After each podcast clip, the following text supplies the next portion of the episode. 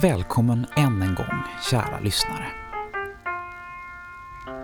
Det här är inte ett nytt avsnitt av Oktagonen, utan snarare en slags epilog.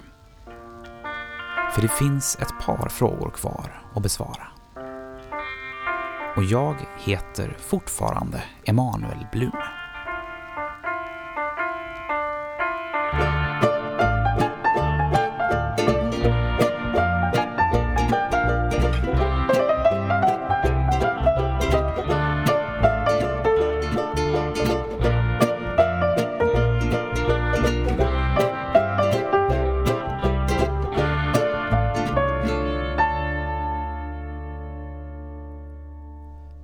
Bestämde mig för att göra Oktagonen till en podcast hade jag ingen aning om vad jag gav mig in på.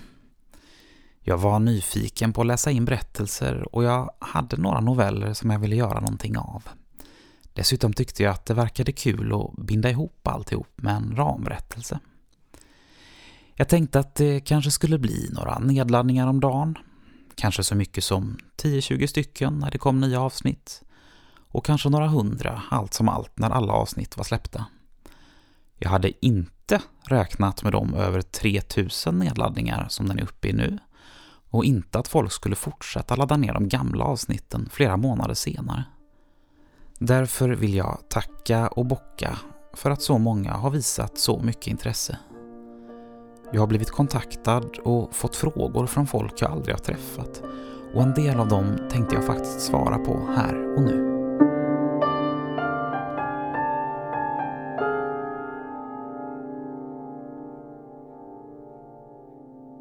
Den vanligaste frågan jag får är Kommer det någon fortsättning? Svaret är nej. Det blir ingen Oktagonen 2. Med tanke på det sista avsnittet så tror jag att vi får betrakta historien som avslutad. Däremot har hela Oktagonen precis kommit ut som e-bok och du kan hitta den där man brukar hitta e-böcker. Men ingen fortsättning. Med det sagt så är det faktiskt en del andra grejer på gång. Förutom att jag just nu skriver på min nästa roman så har jag fått göra ett avsnitt av podcasten Mannen med den gula rocken som är en följetong med berättelser åt skräckhållet där olika författare skriver varsitt avsnitt. Min del sänds i början av juni och är del tre av fyra i en berättelse som jag faktiskt inte har en aning om hur den slutar. Dessutom fick jag äran att skriva en science fiction-novell till en antologi som ges ut av förlaget Svensk Sci-Fi och troligen publiceras i september. Antologin kommer att heta Malmö 2048. När jag hade skrivit färdigt novellen, som fick namnet Revolver, upptäckte jag något märkligt. Utan att tänka på det hade jag skrivit en berättelse som utspelade sig på ett sjukhus i Malmö. Som handlade om någon som blir äldre utan att egentligen bli det. Och där Beatles hade en nyckelroll. Hm. Förhoppningsvis är det det enda den har gemensamt med oktagonen.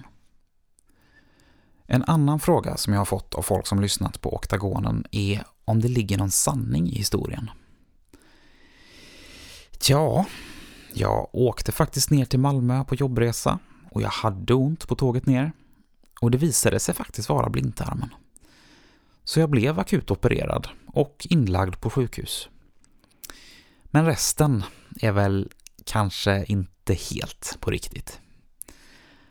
Men eh, jag minns inte så bra. Jag blev ju ganska omtöcknad efter operationen och sådär. Så, vem vet? Några har frågat om musiken om det finns någon originallåt någonstans som går att ladda ner. Svaret är att det är originallåten ni hör. Jag skrev och spelade in den till oktagonen och den finns tyvärr inte i någon längre version. Sorry. Jag har också fått några enstaka frågor om de enskilda berättelserna. Om de är helt tagna i luften eller om jag har fått inspiration någonstans ifrån. Och jag tänkte faktiskt berätta lite om hur varje historia blev till. Och det kan väl vara på sin plats med en viss spoiler alert här.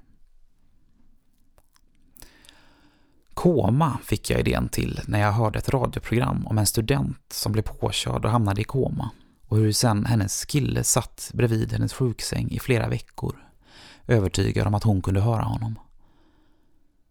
Jag tror att det var i Radiolab, en amerikansk podcast som är en slags blandning av vetenskap, filosofi och historieberättande. Har du tid över kan jag verkligen rekommendera den. Idén till andra avsnittet, Taggad, fick jag för flera år sedan. Jag hade varit på en disputationsfest och en vän till mig hade tagit ett kort och lagt upp på Facebook. Facebook hade automatiskt föreslagit taggar för tre personer trots att bara två syntes på fotot. Min vän Rickard som disputerade och en till. Den tredje var bakom de två andra, mitt i tapeten på väggen. Det var som att Facebook såg någon där som ingen annan såg.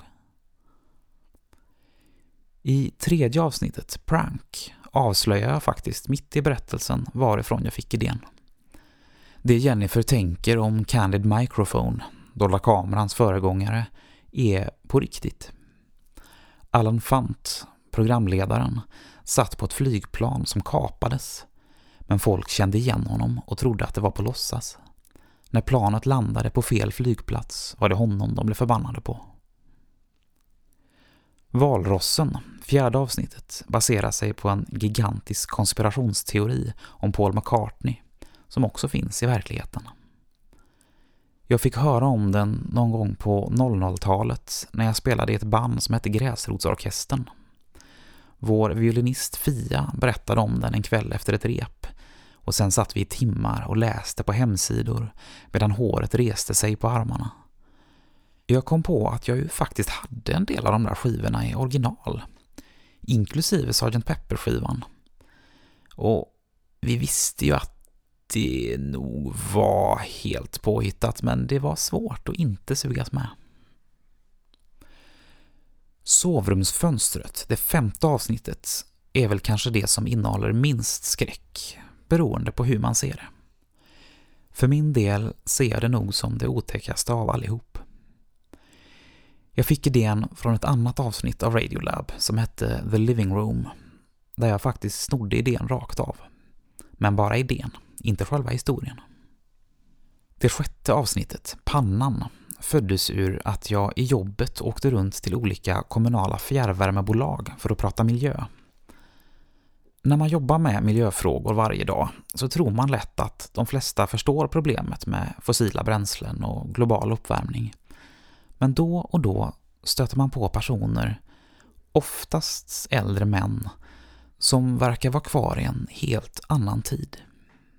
Och på sätt och vis kan man kanske förstå det. Idén till orkidéer, sjunde avsnittet, fick jag också på jobbet.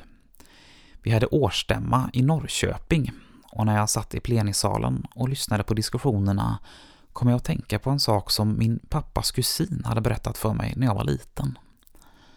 Han hade varit på ett hotell och fått en plötslig hjärtinfarkt. Som tur var ägde en läkarkonferens rum samtidigt på samma hotell och de lyckades återuppliva honom. Han brukade alltid säga att det var den gången han dog. Sista berättelsen, Systrar, är en gammal historia som jag har varit fascinerad av sedan jag var liten. När mamma sjöng balladen om de två systrarna för mig. Den handlar om två systrar, en snäll och ljushårig och en elak och mörkhårig såklart. Där den snälla lilla systern ska gifta sig.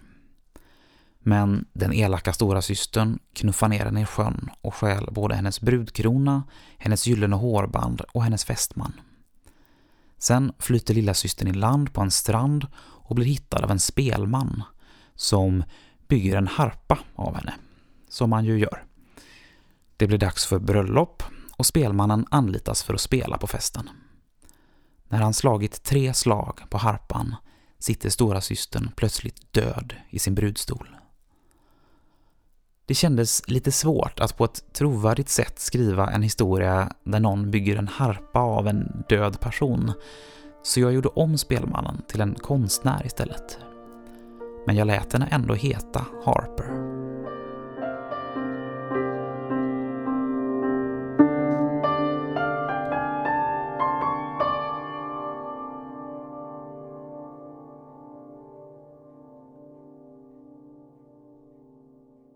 En del som har lyssnat på Oktagonen har hört av sig och sagt att det skulle ju vara en skräckföljetong. Det här är ju inte skräck. Första gången blev jag lite ställd. Jag tänkte att det var det väl visst. Det är döda flickvänner som sätter sig upp i sjuksängen, folk som spökar på Facebook, konspirationsteorier, jakt på osynliga mördare och smycken gjorda av benen från en död syster. Klart det är skräck. Sen började jag fundera. För vad är egentligen en skräckhistoria? Är det vad som helst som är skrivet för att vi ska bli rädda?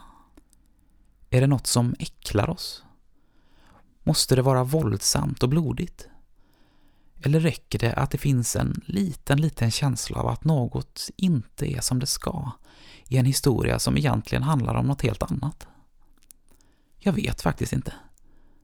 Men kanske att jag ångrar att jag kallade oktagonen för skräckföljetong. Jag vet att en del har låtit bli att lyssna för att de inte tycker att skräck är deras grej. Och andra kanske har lyssnat och blivit besvikna på att det inte är tillräckligt hemskt. Egentligen är det nog inte själva skräcken jag vill åt när jag skriver. Åtminstone inte i första hand. Men jag gillar det där osäkra, det svårförklarade och obekväma. Det har jag gjort sedan jag var 5-6 år och mamma och jag tittade på gamla svartvita skräckfilmer. Frankensteins monster och monstret i Svarta lagunen. Idag ser de ofarliga och platta ut jämfört med dagens skräckfilmer. Men en gång i tiden utgjorde de den yttersta gränsen för vad som överhuvudtaget fick visas. Jag minns att jag fick mardrömmar av monstret i Svarta lagunen. Men det fick jag å andra sidan av Skrotnisse också.